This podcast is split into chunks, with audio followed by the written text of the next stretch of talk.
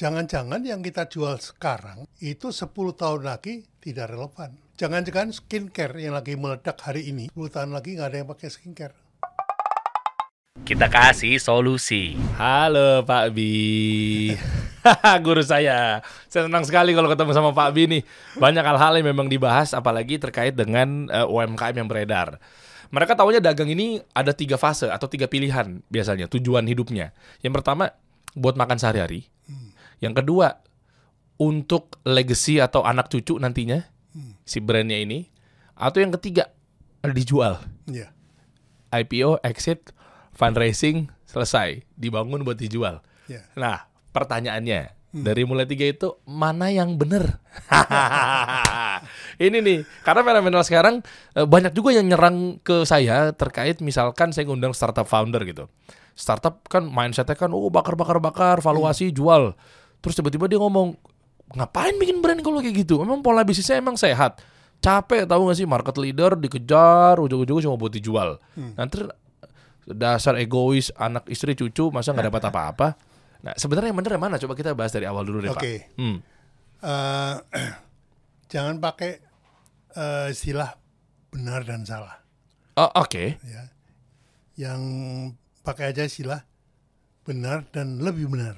Atau mana yang baik dan lebih baik. Oh jadi tiga-tiganya itu Baik aja, baik aja nggak ada masalah. buat dagang sehari-hari gitu. Iya, Ya, orang buat- kan harus makan, harus keperluan sehari-hari untuk eh, sebulan gitu. Itu kan eh, sah-sah aja. Orang harus hidup. Oke. Cuma pertanyaannya bisa gede nggak? Iya. Itu kan. Nggak mungkin nggak perlu gede. Yang penting bisa mencukupi sehari-hari ya baik juga. Oh oke. Oke. Yang kedua, eh, dia nggak cukup penemuan sehari-hari, tapi dia mau besarkan bisnisnya, Iya. terus diwariskan kepada anak cucunya. Mm-mm. Nah, eh, kondisi itu mesti diingat bahwa apakah yang diwariskan itu perusahaan dan hutangnya. Wah iya. Bukan hutang mungkin, tapi eh, eh, apa yang namanya tuh eh, invoice yang tertunda tuh? Tapi ah, Eh, nggak piutang juga lah. ya piutang. Piutang, Iya, piutang. Iya, piutang. piutang ya bener ya. Iya oke. Jadi taruh barang, udah gitu mesti nagih kan. Iya. Apakah itu mau diwariskan? Oke. Terus bayar karyawan, terus eh, overhead, apa itu diwariskan? Hmm, Oke. Ada yang berpikir lebih baik diwariskan dalam bentuk uang aja, Pak.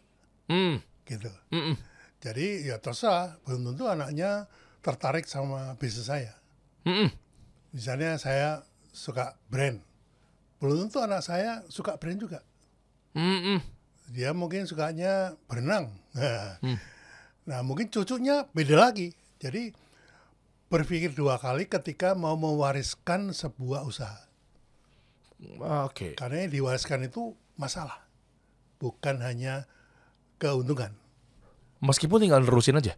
Meskipun tinggal nerusin aja. Tapi kan nerusin itu ya piutang, lah, masalah dengan bank lah, terus dengan investor, belum lagi IPO segala macam. Oh ya. Belum lagi interestnya. Oke.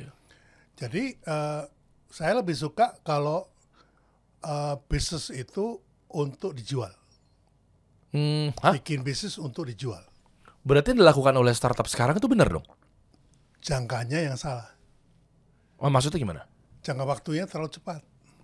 Mm-mm. Oke.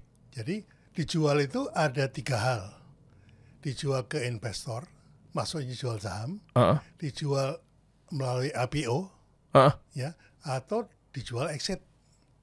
Oke. Nah, jadi Anda mau exit itu artinya Anda udah bosan dengan bisnis ini. Anda exit, jual aja udah, gitu. Dan kalau kalau yang masih mau cawe-cawe, Cawe-cawe. ya Oke. jual saham aja ke investor. Oke. Atau kalau mau dapat dana murah, ya jual aja ke IPO, Eh, Oke. investor kecil-kecil. Eh. Jadi eh, itu pilihan, pilihan. Setelah dapat duit, kasih itu kau wariskan ke anaknya. Terserah lu mau ngapain, itu. Hmm. Jadi eh, orang tua tidak meninggalkan masalah, tidak meninggalkan perusahaan, karena perusahaan itu masalah. Oh iya. Ya. Betul. Jadi eh, apa yang saya alami ketika saya jual perusahaan saya, itu tiba-tiba ada yang nawar. Gitu. Ketika saya menangani McDonald, ada yang nawar. Lumayan 10 juta dolar eh, tahun 2000 eh, 51 persen. Oh lepas dong, cakep itu. Itu cakep kan? Oh, Tahun 2000 loh. Eh, tapi pertimbangannya kenapa nggak jadi saya jual? Itu karena mereka bilang yang 3 juta dolar saya bayar sekarang. Mm-mm. Yang 7 juta dolar saya bayar kemudian. 1 juta dolar setiap tahun dan Anda terikat sebagai presiden direktur di perusahaan itu. Loh, berarti kau nyari Lah. sendiri dong. Sebentar, sebentar. Ini menarik nih. Eh, Saat eh, 3 juta dolar bayar di muka. di muka 7 juta dolarnya bayarnya tiap tahun. tiap tahun. Cicil. Cicil. Dari revenue lagi. Revenue. Ya oh enggak lah Ya, ngapain. makanya nggak jadi saya jual. saya tanya anak-anak, sekarang se- setahun dapatnya berapa? Ya lebih lah. Ya ngapain dijual gitu. Eh, pintar juga ya. Nah belakangan baru ketahuan bahwa perusahaan itu tertarik untuk mengakuisisi perusahaan saya karena waktu itu megang McDonald Indonesia, Mm-mm. Malaysia, Mm-mm. Thailand, dan Filipina. Hmm, Oke. Nah, jadi mereka melihat ini bisa dikembangkan ke Asia Pasifik. Eh, eh. gitu. Tapi ya eh, 10 juta dolar jadi jadi kalau gue cari sendiri jadi ini kan jadi eh, tidak meng- tidak menyenangkan, tidak tidak nyaman lah. Gitu. Ya, ya, ya, ya. ya. Tapi niatnya emang kalau cocok kok jangan jual. Hmm. Gitu. Itu menurut saya yang paling benar itu. Hmm, hmm, berarti jual. Jadi nggak salah juga ya tujuannya kita. Karena Eh. perlu diingat bahwa setiap 10 tahun konsumen itu ganti. Wah, oke. Pada waktu saya umur 30 itu ada radio namanya Prambos. Tahu. Prambos itu 15-25 katanya. Maksudnya? 15 tahun sampai 25 tahun. Oh, range pendengarnya. Range umurnya, pendengarnya. Oke. Jadi dia cari pe- penyiar itu yang ngomongin tentang isu 15-25. Mm-mm. Isunya eh, gimana sih cari pacar, gimana sih deketin cewek. Itu jadi isunya di radio itu. Mm. Ketika 10 tahun kemudian, yang se- eh, sepul- eh, 15 udah menjadi 25, yang 25 jadi 35, isunya beda. Gimana cara mendekati mertua, calon mertua? Mm-mm. Bagaimana menyenangkan ibu mertua dan bagaimana gimana macamnya. Gimana nyari kerjaan udah beda. Jadi akhirnya mereka galau, datang ke saya dan tanya, sebaiknya gimana mas? Saya kasih tahu, sebaiknya bikin dua, bikin radio baru karena Ah, isunya beda. Kita pecah tuh audiensnya. Betul. Makanya rata-rata grup-grup radio itu ada lima radio tuh tuh menyasar dengan market yang berbeda. Ya beda. Iya kan ada yang buat eh, yang adult, yang lebih tua misalnya Ya. atau remaja gitu. Nah, berkaitan dengan produk, jangan-jangan yang kita jual sekarang itu 10 tahun lagi tidak relevan. Wah, ngeri, ngeri. Ya, jangan-jangan skincare yang lagi meledak hari ini Mm-mm. 10 tahun lagi nggak ada yang pakai skincare. Terus- Karena udah sadar dokter. Dokter kulit wajah misalnya. Mm-mm. Kalau nggak direkomendasi oleh dokter, karena kandungannya harus ini, ini, ini, orang makin tahu, eh, internet makin terbuka, bisa jadi skincare nggak laku- nggak laku. Mm-mm. Apa skincare mau diwariskan kepada anak buahnya? Eh, kepada anak, kepada anak-anaknya. Itu. Jadi it's not about money aja, tapi juga eh, pergantian generasi. Karena eh, yang namanya pasar itu adalah usia eh, 15 sampai 35. Itu pasar. Yang sekarang dikuasai sama milenial Dan Gen Z. dan Gen Z. Oke. Tapi 10 tahun yang lalu, 20 tahun yang lalu, saya ada di situ. Oh, Ya, saya adalah pasar. oke. Begitu bergeser, saya ditendang dari dari namanya pasar. Oh, Nah, masalahnya bukan cuma umur aja yang menggantikan. Masalahnya dengan bawa karakter masing-masing. hmm. Karakter baby boomer, karakter eh, Gen X, karakter Gen Y, karakter Gen Z itu beda-beda. Mm-mm. Gitu. Apalagi nanti Hmm. dengan generasi alpha dan sebagainya. Yang mereka lebih akrab dengan AI dan sebagainya. Waduh. Mereka tidak perlu lagi dengan originalitas. Mm-mm. Mereka cukup dengan crawling aja. Hmm. Asal nggak ketahuan ini adalah eh, punya saya gitu. Oh, oke. Artinya gini Pak, Eh, berarti kalau memang pasar berubah, si pemilik brand ini, si pengusahanya ini harus nyiapin future market gitu kasarannya. Betul. Dan eh, nggak akan pernah bisa dong brand ini sustain. Harusnya gimana dong? Ya. Sa- eh, salah satu cara yang dilakukan oleh Coca-Cola Heeh. kenapa dia sampai 150 tahun adalah setiap 10 tahun mereka ganti ganti karyawan, ganti generasi karyawan juga. Penyiarnya ganti supaya pendengarnya nggak lari. Oh, DNA-nya sama? Ya, jadi umurnya sama. Eh, enggak, DNA brandnya sama. Sama.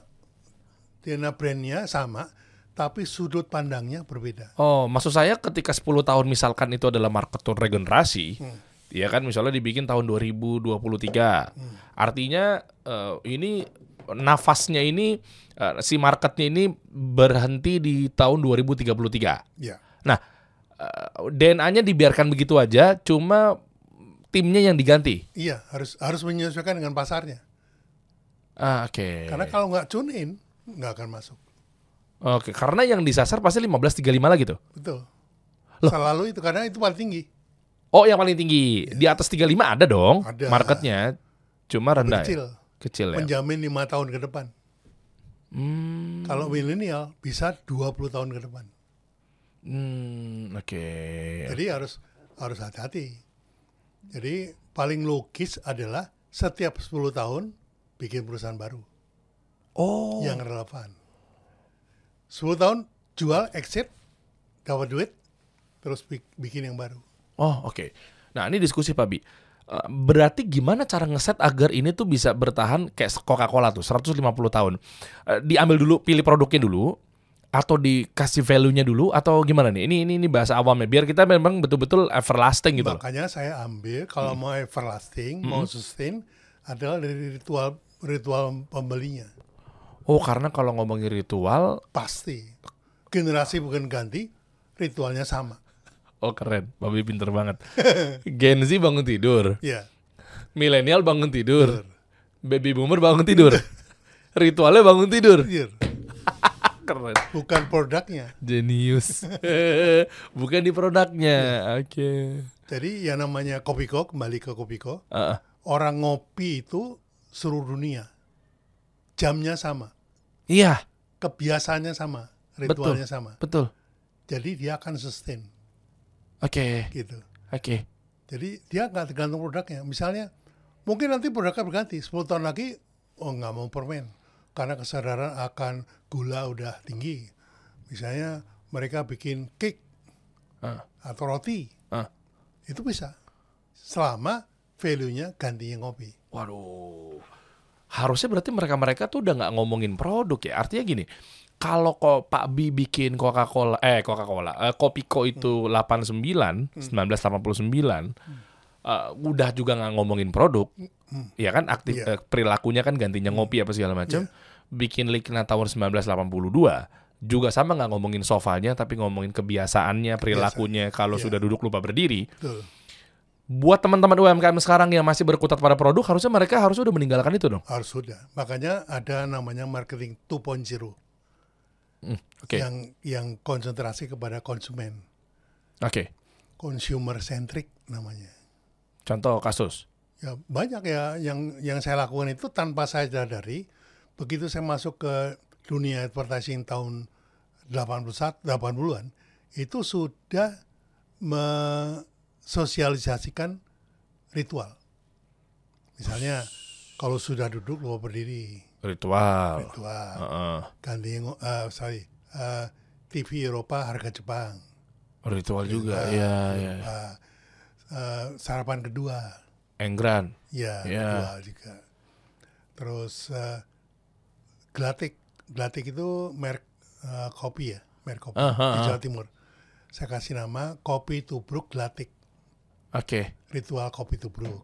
Ah. Karena kopi itu nubruk, nggak ada kopi itu diambil ekstraknya segala macam.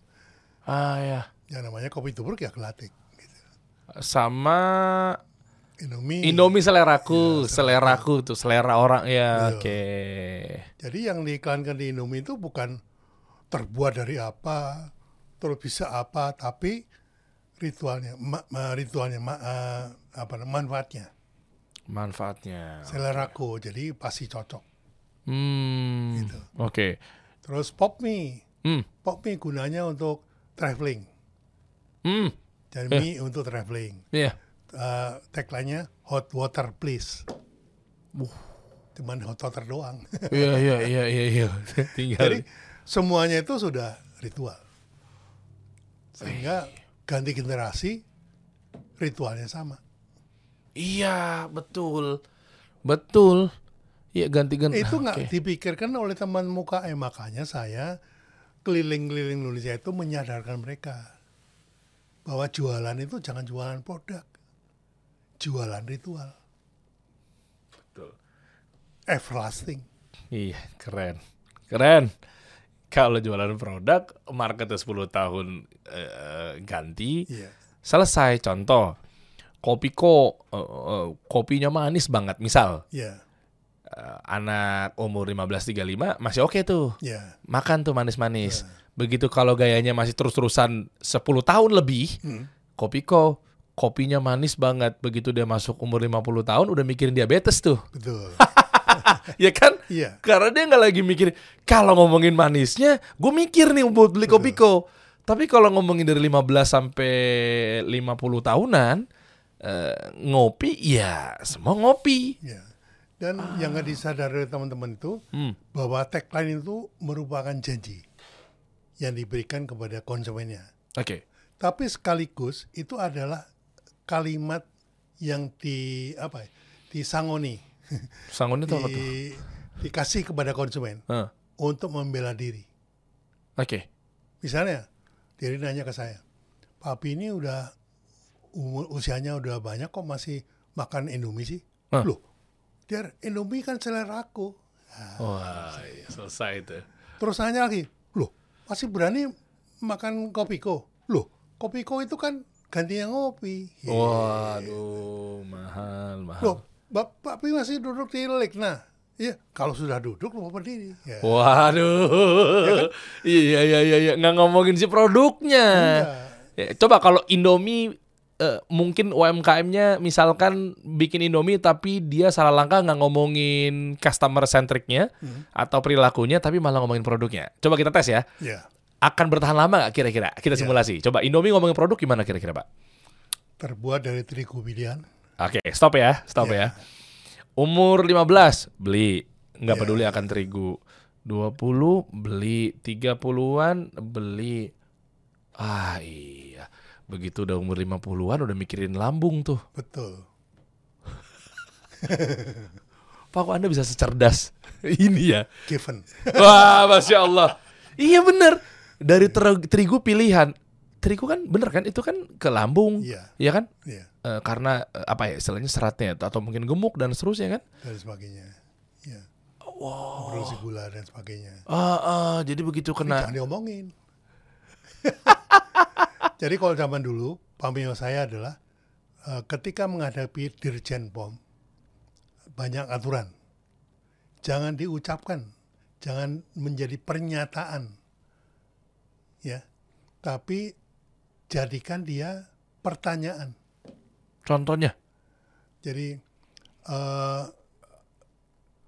dulu saya saya adalah orang yang diminta tolong untuk membranding eh, obat generik. Mm-mm. Katanya Pak Bi kan biasa nih nge-branding produk yang khusus. Mm-mm. Biasanya semuanya tergantung mereknya. Nah sekarang generik nih. Iya. Nah gimana caranya?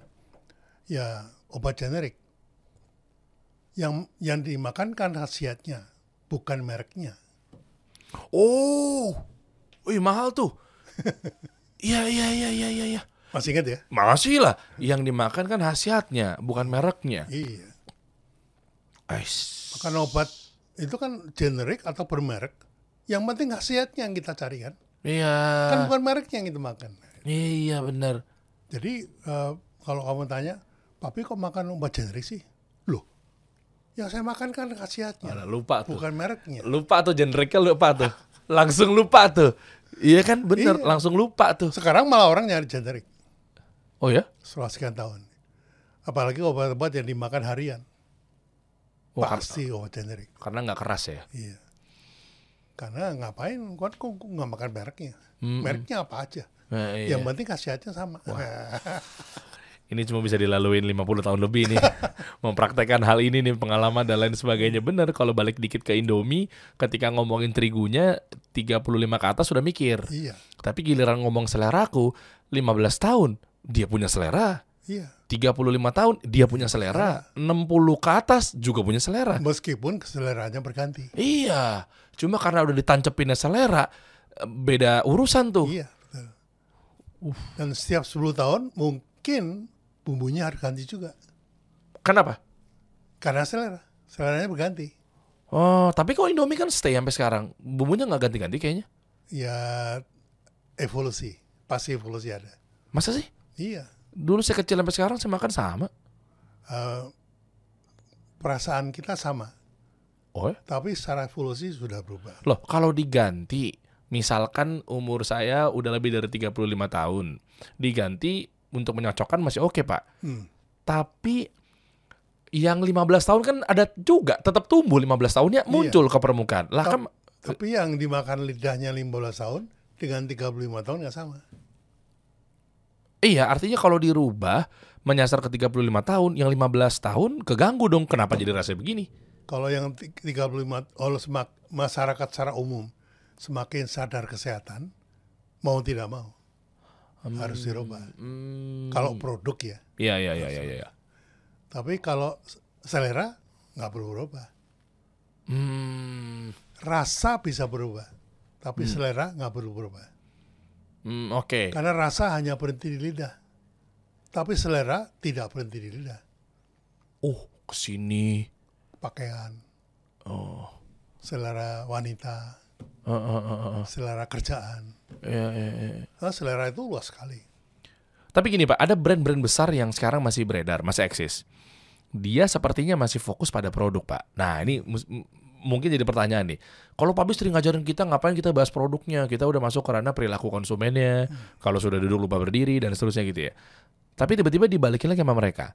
Itu kecap bango eh, dari kedelai pilihan. Itu KFC jagonya ayam. Tapi kedelainya kan berganti. Tapi nggak masalah dong dia ngomongin produk. Kan dia ngebahas produknya. Iya dia nggak ada masalah sih. Eh, Heeh. itu eh, kalau kedelai hitam kemudian terbukti yang membuat kecap hitam itu bukan kedelai hitam, tetapi dari gulanya yang dibakar, ya dia jadi tidak relevan. Hmm, mm, mm, mm, apa jangan-jangan kalau brandnya sudah kuat, nggak apa-apa ngomongin produk? Eh, Gimana tuh? Nggak juga. Enggak juga, enggak juga. Jagonya ayam KFC Jagonya ayam kan bukan ngomongin produk, itu kan produk ayam ya. tapi kan bukan, bukan ayam jago. Oh, oh, oh, oh, oh, oh.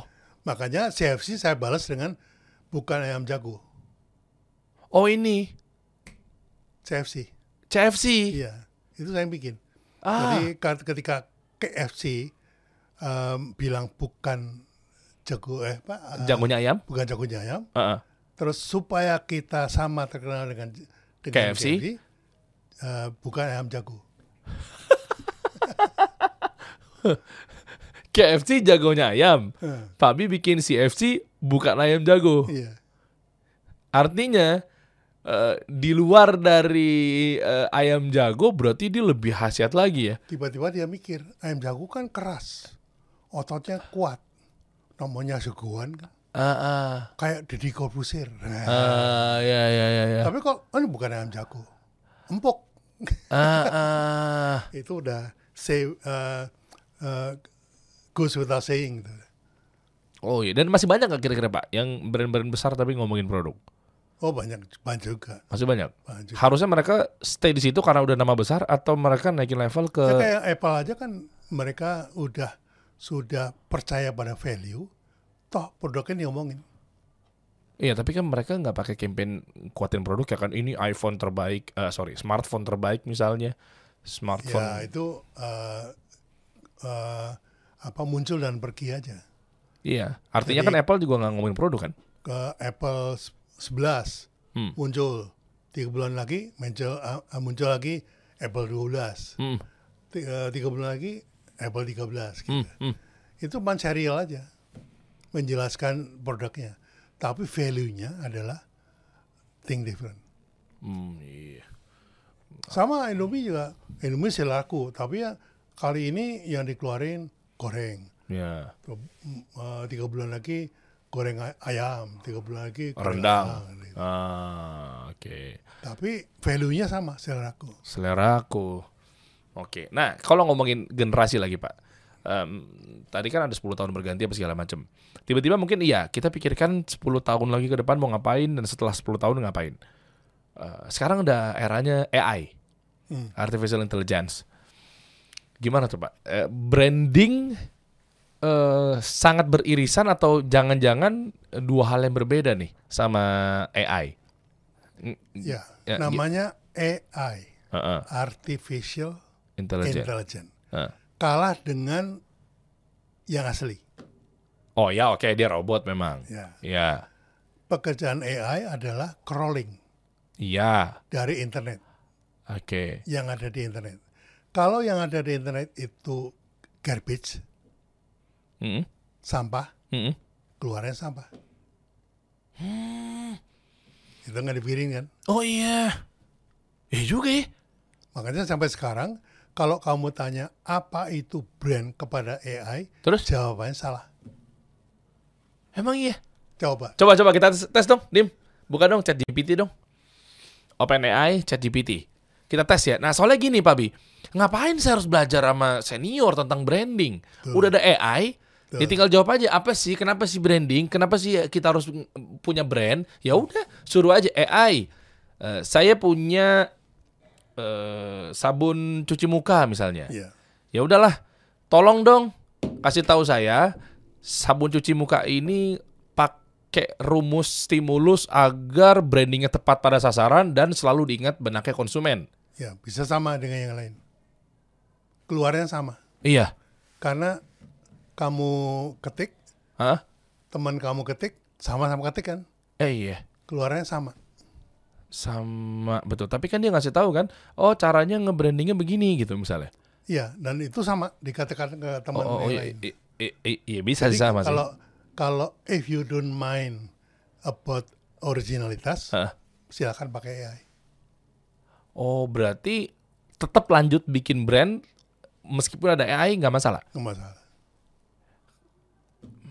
karena jawabannya pasti kepada produk kita lihat sama-sama Coba ah, kita kita bahas nih. Karena eh, kalau memang mereka ternyata adalah masih mindsetnya adalah eh, nggak usah belajar branding misalnya sama pakar misalnya ya, tinggal tanya aja sama AI. Iya. Ya otomatis eh, mereka mungkin berpikir bahwa kayak ngapain gua bayar workshop mahal-mahal, tanya eh robot aja.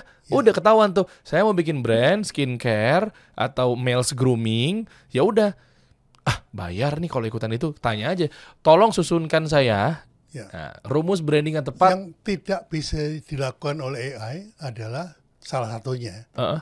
review review produk Oh iya. karena dia hanya memberikan pandangan umum tapi yang spesifik nggak bisa Bikin tagline slogan bisa nggak? pengalaman eh, menggunakan produk nggak bisa Bikin tagline? pikirannya bisa asal nggak keberatan sama dengan yang lain Oh berarti belum secanggih itu AI ya? belum Coba coba kita ketik. Ini penasaran sih maksudnya secanggih apa gitu loh. Artinya apakah zaman sudah berubah ketika ya udah kan brand itu penting. Nah kita tanya aja sama robot, tinggal susun deh tuh kaidahnya, bikinin tagline. Nanti kita coba cek nih tadinya nih misalkan eh, tepat pada sasaran eh, hasilnya AI seperti aja. AI aja. Kalau Jadi, memang nggak tepat ya bahaya tuh. penggunaan AI itu bisa dipakai untuk keperluan tertentu tapi begitu lebih mendalam harus orang Nggak bisa ya tetap Ya. ya. misalnya rasa rasa ya harus dirasain sendiri ada yang buat dari nggak kepedesan buat saya kepedesan Oh ya. Ya, ya. sesuatu yang sifatnya behind the scene Ya. ceri- cerita Ah. cerita yang spesifik tadi eh, reportase atau eh, apa namanya review, Heeh. Terus eh, apalagi ya, eh, itu sesuatu yang bisa kita lakukan, yang yang AI nggak bisa lakukan.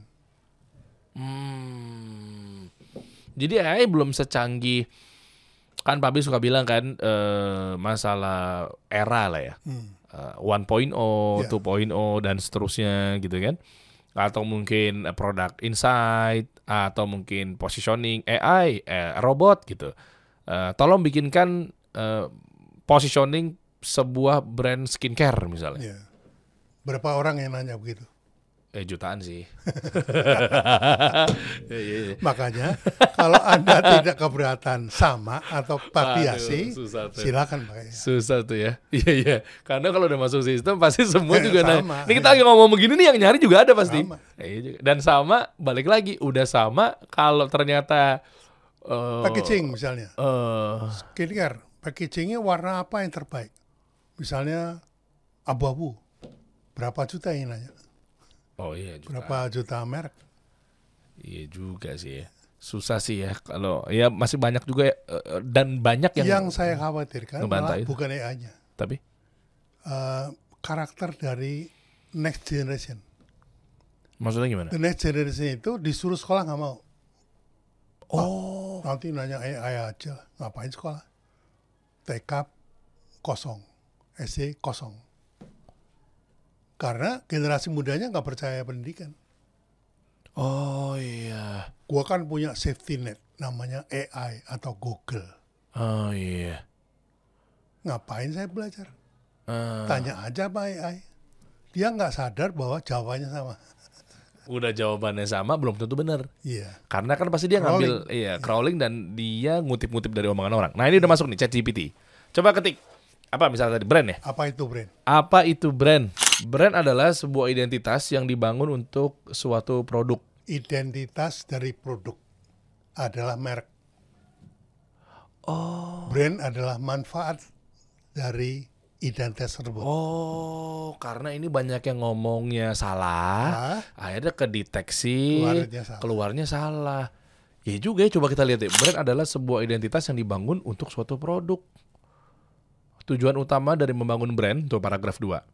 Sebuah brand adalah tujuannya untuk membedakan produk atau perusahaan dari pesaing-pesaingnya. emangnya logonya sama? Pasti beda kan? Ah, Tapi manfaatnya bisa sama. ah, ah.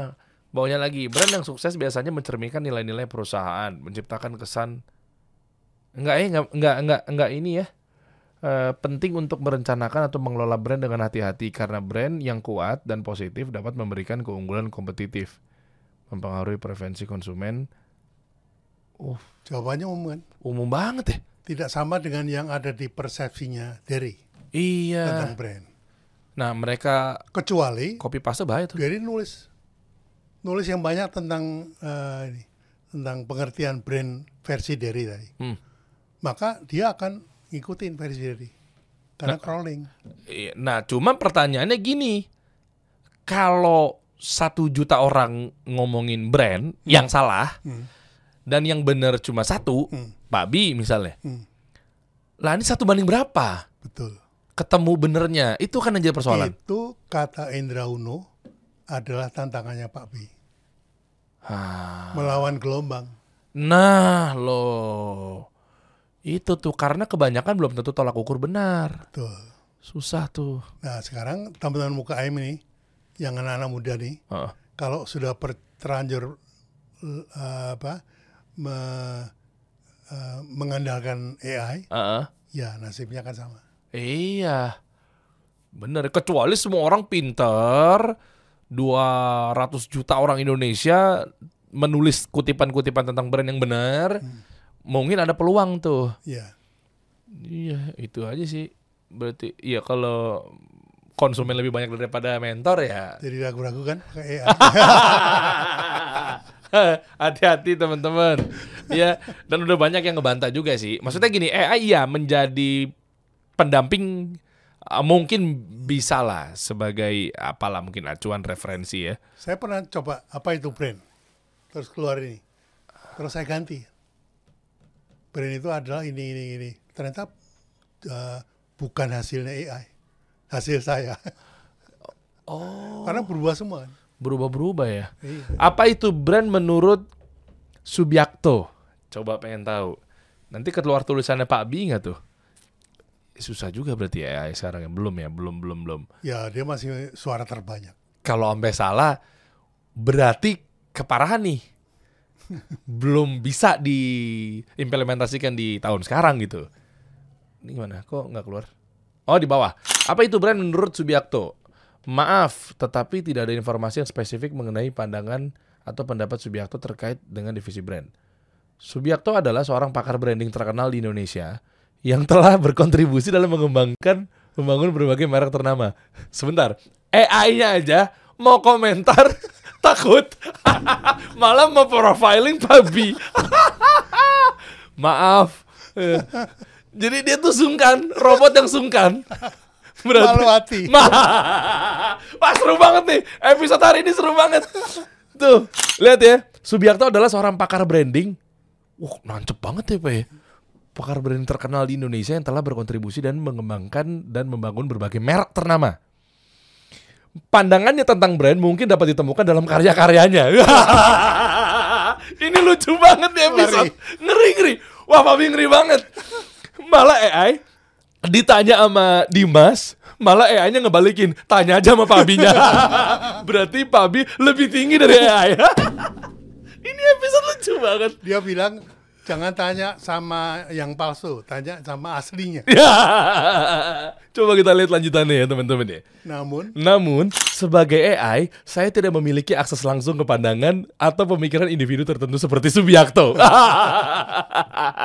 saya hanya dapat memberikan definisi umum. umum Wah.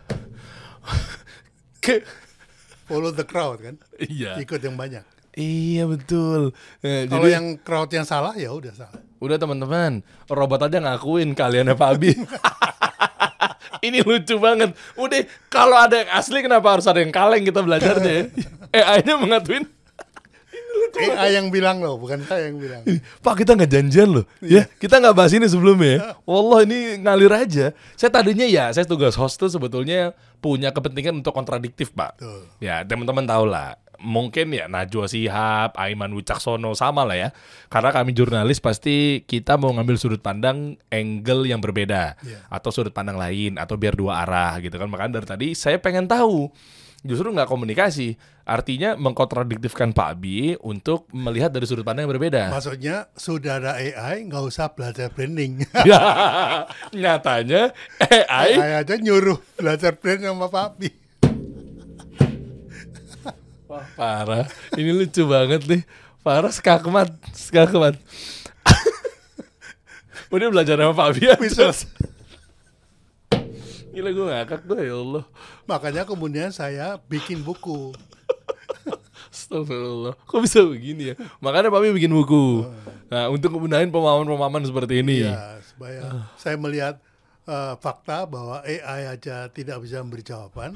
Mulailah saya bikin buku. Nah, seorang robot AI yang diagung-agungkan anak sekarang ya ternyata nggak bisa ngasih jawaban. Udah cari sumber yang tepatnya aja teman-teman ya. Buku yang eh, boleh dibocorin ya. Tadi Pabi kan lagi Iya. rangkai buku dan lain sebagainya ya. Betul. Nah, nanti tungguin aja teman-teman. Nih, nah, Nah, coba coba. karena saya tulis setiap saat apa Oh. yang saya ingat, jadi Oke. saya gembolin terus. Oh iya, eh tasnya lucu deh, Pak. Ini eh, Lokal. bukan Uniqlo. Uniqlo. Oh, Masya Allah. Ya, Coba. misalnya ya, Eh, coba coba. nih buku saya. Oh, ya, maaf Pak ya. Oh, lagi dibikin tiap saat ya, Pak ya? Ya, Wih, judulnya brand. betul. Karena brand masih misterius. Oh, Kalau marketing dan selling banyak, Banyak. coachnya. wih. Saya perdana nih kayaknya nih dapat bocoran nih tentang Papi mau bikin buku nih kayaknya nih. Kapan, Pak? Rilis. Rencananya Agustus bulan ini. Wah, Agustus. Ya, Wah, bisa nih. Ini kan lifetime nih, teman-teman. Kalau dilihat nih, kalau memang sekarang lagi nontonnya di bulan Agustus, coba deh kepoin Instagramnya Pak Abi atau sosial medianya @subiakto. Nah, insya Allah tuh ada keterangannya. Tapi kalau teman-teman nontonnya sebelum Agustus, pantengin aja. ya. Eh, eh. Tapi jangan berharap banyak dari buku ini. Kenapa? Karena buku ini tidak membuat Anda mengerti. Lah kok? Membuat Anda penasaran untuk ngeklik eh, QR code-nya. Oh. Ada videonya. Oh, jadi dalam buku ada QR code untuk di-scan Ya, dan dapat video. videonya. Loh, berarti itu bisa dibilang bukan buku biasa dong. Bukan. BBB Dan itu. ketika Anda lihat video, Anda juga penasaran. Karena Ikut buku shop-nya. Oh, emang raja branding nasional. Ini perdana saya bocor ini. Wah, masya Allah, keren, keren, keren. Ah, iya, iya niatnya memang kita pengen belajar eh, ya gimana cara bangun brand apa segala macam kan banyak yang salah arah ya. Nyatanya cek aja tadi dengan hal lucu yang terjadi ya AI apa segala macam. Ya apa sih kesimpulannya? Di luar dari udahlah kita nggak usah omongin lagi takutnya AI-nya minder gitu ya. Tapi kesimpulannya adalah belajar sama ahlinya teman-teman. Itu saran saya sih. Saya banyak menjalankan kasih solusi itu memang bisa dibilang hampir 100% saya belajar banyak sama Pak Abi yang saya terapkan di sini tentunya. Makanya bisa eksis. Eh, Yang pertama atas izin Allah dan kedua ikhtiar tepat sih ya. Nah, Ya, ada, ada yang bilang loh, bukannya Pak Bi terkenal sebagai pakar iklan, ya, advertising. iya. Betul, ke- sejak tahun 80 saya nyebur ke iklan. Mm-mm. Tapi iklan saya ada dua macam. Oke. Iklan yang menjelaskan tentang fitur produk dan iklan yang menjelaskan tentang manfaat produk. Hmm. Nah, Oke. manfaat produk itu adalah iklan branding. Mm-mm. Ternyata orang nggak gampang lupa fiturnya, tapi nggak bakal lupa manfaatnya. Oh, branding di situ tuh letaknya tuh. Betul. Apa contohnya misalnya Pak? Orang gampang lupa fiturnya. Eh, Oh iya, maaf Pak, saya potong mau pengingat. Eh, ketika orang main ke rumah, ini nggak tahu nih nyambung apa nggak ya Pak ya? ya, Der, AC lu kok anget ya? Berapa PK ya? ya, Dari situ aja saya lupa tuh. ya. Nyambung nggak Pak? Bener ya? Setengah PK, dua PK, satu PK, orang nggak tahu. Saya nggak tahu. dingin. Nah, Eh, iya bener, taunya dingin apa anget? ya. Iya, iya, iya. Manfaatnya dingin atau hangat. Iya. Makanya saya bikin tagline-nya justru setelah menggunakan Daikin, AC Daikin, keadaan di rumah semakin hangat. Ah, ah. Yang diangkatnya tuh itu, orang tuh lupa fitur. Iya. Coba berapa eh, megapiksel handphonenya Dimas? Nggak tahu ya. Iya kan? Mungkin mbak-mbaknya dijelasin Berapa ke- persen diskonnya waktu beli? Lupa deh. Oh iya. Nah, ini nih buat yang sering da- eh, kejebak dalam kujangan eh, kubangan-kubangan diskon nih. Diskon 50% itu banyak. Tapi produk apa aja lupa. Ya, Ya. betul. Tapi kalau gantinya ngopi ya kopi kok. Kalau seraku ya Indomie. Iya ya. Ini biangnya buat apa botolnya itu Sardos. Iya, extra jos, betul. Ya, terus TV Eropa harga Jepang itu Voltron. Hmm. Pak, s- rata-rata Pak Bi itu kayak semacam antonim ya Pak ya? Saya nggak ngerti, mungkin Pak Bi bisa jelasin eh, rumus marketing atau brandingnya. Antonim itu yang maksud gini ya, bahasa awam saya antonim ya. Nggak tahu itu maksudnya nanti strateginya apa. Eh kalau sudah duduk, lupa berdiri. Hmm. Ada duduk, ada berdiri. Antonim. Ya. Paradoks. Paradoks. Oke. Eh, istilahnya begitu kan? Ya, Eh, TV T- Eropa, TV Eropa harga Jepang. Besar kecil. Heeh. Paradoks. Itu paling efektif. Eh, nah ini menarik ya. Itu, itu bagian dari strategi yang memang. Ya, bagian saya lagi. Lanjutan ya. Iya iya iya. Nggak cuma dasar, tapi lanjutan. Memang begitu yang kuat. Yang kuat itu. Ka- boleh tahu alasannya pak? Kenapa bikin tagline-nya begitu? Di mana-mana pertanyaan itu lebih kuat dari pernyataan. Setuju, betul. Ya kira-kira begitu. Oh, hmm, oke. Terkait dengan disrupsi juga sama. Sama. Kan sekarang kan eranya kan disruption, disruption Nah, gitu. disrupsi ada dua ya. Yang pertama, disrupsi pertama ya, itu ditulis oleh Richard D'Aveni, ada bukunya. Oke. Dia mengatakan disruption innovation. Jadi tidak ada disrupsi kalau tidak diinovasi produknya. Mm-mm, Produknya harus inovasi. mm-mm, Misalnya Gojek itu sepeda motor. mm. Begitu diinovasi pakai jaket, pakai helm, terus pakai eh, aplikasi, dia menjadi mendisrupsi yang lain. Oke. gitu. Oke. Menurut Daphne. Ya. Tapi menurut John Drew, wah itu kemahalan. Dan kelamaan. Kapan orang mendisrupsi kalau gitu caranya? Lalu yang benar? Eh, yang, yang cepat. benar, Hah. John Drew mengatakan change the market convention.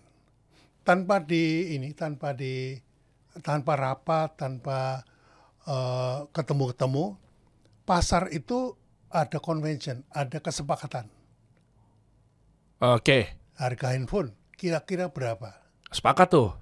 Harga bawang kira-kira berapa? Ah, sepakat juga tuh. Hah. Nah, kalau mau mendisrupsi, kesepakatan itu dirubah, Caranya? diganti, bukan dengan harga, Tapi? tapi dengan yang lain. Ah, oke. Begitu. Airbnb. Mm-mm. Tadinya namanya hotel itu ya harus bangunan gede. Tapi Airbnb cukup kamarnya aja. Oh. Yang dirubah, yang dirubah mindsetnya, bukan bukan produknya diinovasi. Sama kayak Tokopedia juga dong. Iya, Shopee gitu. iya. Orang bayangnya mall kan kalau isinya jutaan tenan, artinya mall tuh segede apa ya? Iya. Dengan aplikasi dia mendisrupsi Wah, ini ilmu baru lagi nih. gitu. Kayak eh, Airbnb terus apa lagi ya? Eh, ya yang terkenal itu itu kerjanya John Mary dulu. John Mary Drew, oke. Artinya Nah, saya Oh, oh. membantu teman UKM Hah? daripada mendisrupsi pakai inovasi, mendingan mendisrupsi memakai merubahan convention market, maksudnya kesepakatan pasar di Eropa. contohnya. Jadi kalau tadinya harganya sepuluh ribu rata-rata, Heeh. sekarang gue mau tiga ribu. Kan nggak segampang itu naikin harga. Tapi kalau yang dirubah eh, mindsetnya bisa, Oh, pakai value. ya kayak value. Iya iya iya, semua AC setengah PK. Iya. Semua AC 2 PK. Iya. Tapi yang bikin keluarga makin hangat belum tentu tuh dia Iya tuh. betul. Kan Iya, nggak iya. ngerubah nggak ngerubah hasilnya kan, Iya, yang value. ngerubah value-nya. Wah, berat ini. Nih S3 Stanford University nih saya nih hari ini nih. Mahal, mahal ilmu ya. Buset dah. Masya Allah, Pak Bi. Makanya saya juga kaget pada waktu ada yang berani membandingkan saya dengan Philip Kotler. Waduh. saya juga kaget eh, masa Philip berbanding sama saya gitu. Ya, ya, ya. Tapi ternyata yang menulis eh, postingan itu sudah mempelajari Oke. bedanya di mana. Oke. Dan saya penasaran sih, ada nggak ya kira-kira ya pakar-pakar itu kayak John Mary Drew, eh, siapa ya? Ya mungkin mereka-mereka senior senior ya. Misalnya ketika ngelihat Pak Abi gimana tuh ya? saya, saya penasaran aja ya. Saya pernah ketemu sama John Mary dulu Hah? Di mana? di New York pada waktu eh, perusahaan yang dia pimpin itu mau mengakuisisi perusahaan saya Wush, gitu.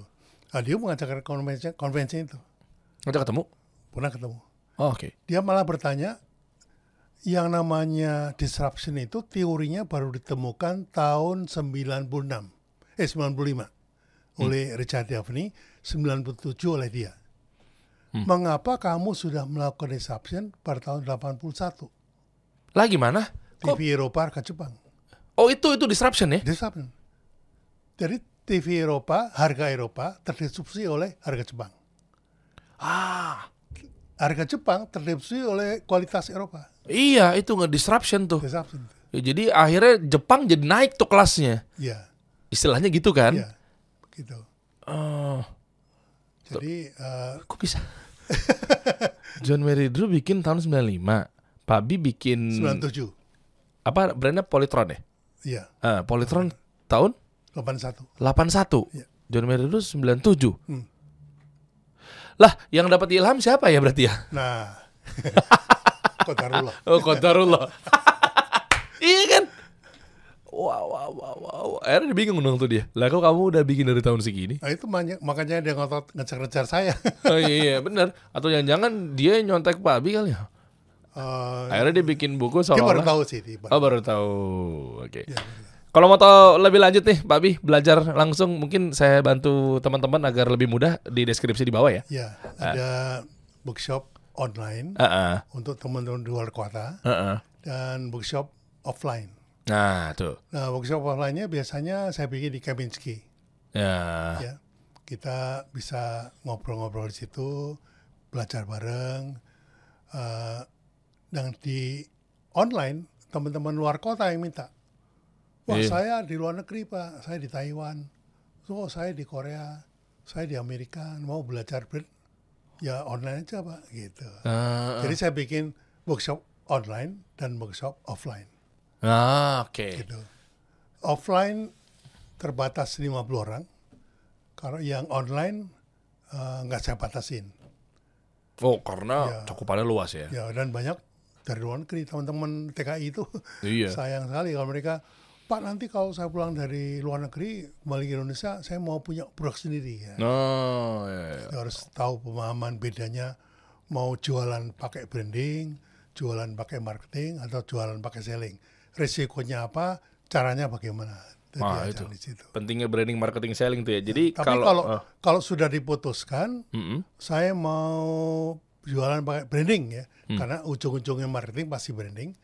Itu ikut yang magnet branding.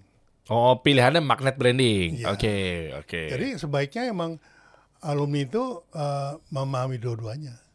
Hmm, hmm. Kalau paham dua-duanya, itu lainnya semua gampang. ngebut tuh. Iya. Nah itu tuh. Teman-teman cek aja deh di deskripsi di bawah. Tinggal pilih aja ya. Iya. Nanti masuk ada beberapa link atau mungkin cek aja ya, link yang tertera di situ. Tinggal dikapoin aja. Nanti tinggal pilih mau yang mana. Karena mumpung Pabi insya Allah masih semangat mengajarkan UMKM. Meskipun beliau sangat senior dan ya bisa dibilang sudah tak lagi muda. Iya. Tapi ilmunya juga mencakup anak-anak muda dan seterusnya. Eh, seperti inilah mumpung lagi semangat. Yang kita khawatirkan ketika Anda berpikir-pikir entar-entar, Pak Binya sudah eh, Malas. males tuh. Aduh bahaya itu. Bahaya itu. Udah pakai buku aja. iya kan? Iya. Ya itu yang yang yang yang jadi persoalan. Nah, Dan jadi, jangan lupa, banyak kan yang ikut workshop itu mau selfie. Nah, itu. Dan punya jaket ini kayak saya. Iya betul. Ini jaketnya. ini mahal nih. Ini value-nya mahal nih. Saya pakai itu kan ketika Iya. mau meeting aja kan kadang kita mau pitching pakai ini. betul. Biar seolah-olah kita punya brand nggak kaleng-kaleng. Iya. ya, makasih Pak atas ikut Papi juga? Iya, langsung tuh cair tuh. Jadi gimana? Mau bareng sama kasih solusi sebagai media partner? Artinya terobosannya pasti akan cepat tuh. Iya, iya, iya. Oke, Papi, ada yang mau tambahin Papi? Saya suka banget ya episode kali ini nih, apalagi dikejutkan dengan AI yang mati kutu. yang paling baru. Iya, iya, iya. Ternyata ilmu lama nggak bisa dideteksi oleh barang baru. Wah, itu itu bagus tuh. Itu jadi tagline tuh. Paradoks lagi. Paradoks lagi tuh. lama baru. Iya, ilmu lama nggak bisa dideteksi dengan teknologi baru ya. Iya betul. Waduh, gede, gede, gede, gede. nggak bisa dideteksi, nggak bisa dipublikasi gitu. Jadi di situ saya makin Eh. yakin bahwa walaupun ilmunya lama, tapi brand itu eh, tetap relevan. Iya, itu. Susah sih kalau udah kayak gitu mah emang tetep lah makhluk ciptaan Allah yang Iya. lebih sempurna dibanding robot. Robot buatan manusia, manusia buatan Allah. Ah, itu. Ada di buku saya, Oh ada, wah mantap. Ditunggu. Terima kasih Babi ya. masih. Kita kasih solusi.